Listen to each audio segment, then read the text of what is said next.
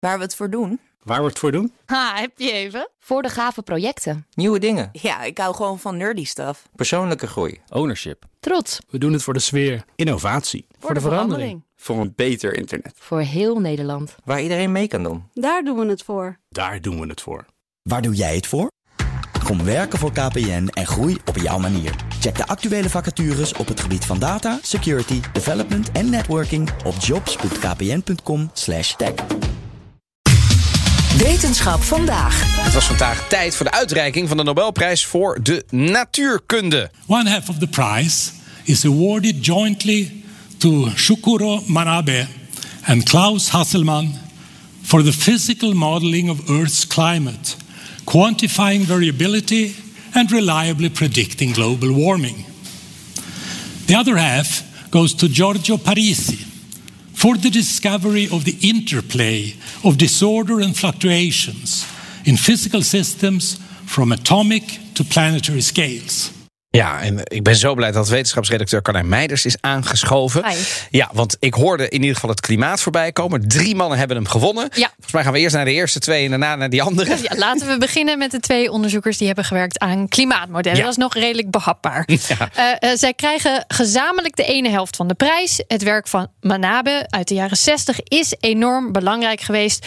Als fundament voor de klimaatmodellen die we vandaag hebben. Wat heeft hij nou gedaan? Hij keek naar temperatuur in de aardatmosfeer en de temperatuur van het aardoppervlak.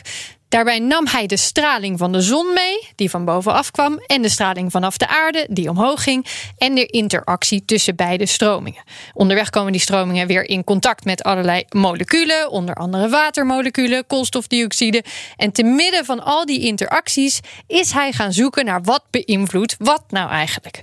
En zo vertelt professor Eva Olsen van het Nobelcomité ontdekte hij een belangrijke link. So, what he gave us then was an understanding that there is a link between the carbon dioxide and the temperature. So that means that we can have we have a handle now. If we can control the carbon dioxide, well then we can control the temperature. Hij gaf de wereld dus iets om mee te rekenen eigenlijk. Hij liet zien dat de hoeveelheid CO2 in de atmosfeer invloed heeft op de temperatuur op aarde. En dat allemaal met hele simpele, simpele computermodellen. Want het waren, was de jaren 60. Hè? Eh, computers Ja. waren toen veel langzamer dan nu. Dus hij kon ook niet hele uitgebreide dingen maken. En dat lukte hem toch allemaal. Hasselman, de tweede onderzoeker die naar het klimaat keek, keek dan weer naar de link tussen het weer en het klimaat. En dat lijken me dan weer twee dingen die heel moeilijk te voorspellen zijn. Precies, ja, dat is een enorm lastige. Ook als je bedenkt dat iets als een weerstation een hele bak aan data verzamelt en de metingen enorm kunnen verschillen per moment, per plek. Hier wordt eh, eh, vaak de vergelijking gemaakt met een hond en het baasje, waarbij de baas in een rechte lijn loopt, maar de hond alle kanten op wandelt. If you average the dog movement, then you will see that it will be moving in the direction of the owner. So that's the analogy with the weather. The weather is a dog. It's moving in all different directions and even backward as well as forward. While the climate is the owner because it moves in a certain direction. Ja, Hasselman keek dus naar de, beetje de korte termijn ruis van het weer, dat alle kanten op gaat. Het weer is de hond. Het weer is de hond. En eh, hij zocht naar die lange termijn houvast. Ja, Ja. het klimaat is het baasje. En zo lukte het hem uiteindelijk om modellen te maken waarin natuurlijke en menselijke klimaatinvloeden van elkaar onderscheiden konden worden. Wat er weer voor heeft gezorgd dat onderzoekers nu kunnen aantonen wat de invloed van menselijke CO2-uitstoot is op de temperatuur. Ja, nou dat zijn de eerste twee. Dus Ja. dat, eh, Japanner slash Amerikaan en de Duitser. Het het gaat over de klimaatinvloeden. Mhm. En dan die derde winnaar, dat is dus de Italiaan, die Giorgio Parisi. Wat heeft hij nu precies gedaan? Ik heb het geprobeerd te lezen, oprecht. Ik vond het moeilijk. Ik ga proberen het iets makkelijker te maken, maar het is ingewikkeld. Eh Parisi, hij kreeg dus eh, de andere helft van de prijs. Keek naar materialen, maar ook naar processen. waarin het gedrag van onderdelen of het gedrag van moleculen bijvoorbeeld in een materiaal. totaal willekeurig leek. En daarin ontdekte hij patronen. Hij vond patronen in de interactie tussen die onderdelen. Op de schaal van atomen bijvoorbeeld, dus hoe atomen op elkaar reageerden in een bepaald materiaal, maar ook op veel grotere schaal in complexe processen. Is er nog een link tussen al deze onderzoekers Zeker, ja. die nu de prijs hebben gewonnen? Die is er zeker. Eh, dit zei John Wetlaufer van het Nobelcomité erover. The link between his work and Shukuro Manabe's work is the recognition by Klaus Hasselmann that fluctuations are key for predictability.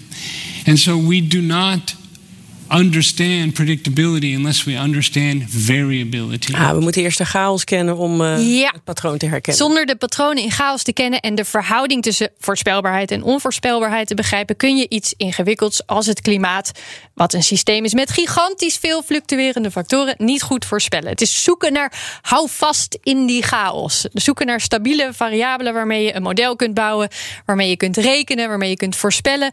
Dus alle drie deze onderzoekers zijn daarvan belangrijke puzzelstukjes. Ja, en eh, alle drie hebben dus werk gedaan. Eigenlijk al ver voordat we. Hè, we hebben nu al die klimaatrapporten. Maar hun werk stamt eigenlijk al van veel vroeger, jaren 80, 60 en zo. Ja. Waren we zonder dat werk eigenlijk niet zo ver als we nu zijn? Ik zou zeggen van niet. En dat is ook wel een beetje een vereiste natuurlijk voor het winnen van een Nobelprijs. Dat is wel waar, hè, ja. Eh, onderzoek dat ten goede komt van de mensheid en iets wat van blijvende waarde is. En dat geldt in ieder geval volgens het Nobelcomité zeker voor deze drie wetenschappers. Dankjewel, Carlijn, voor licht in de duisternis.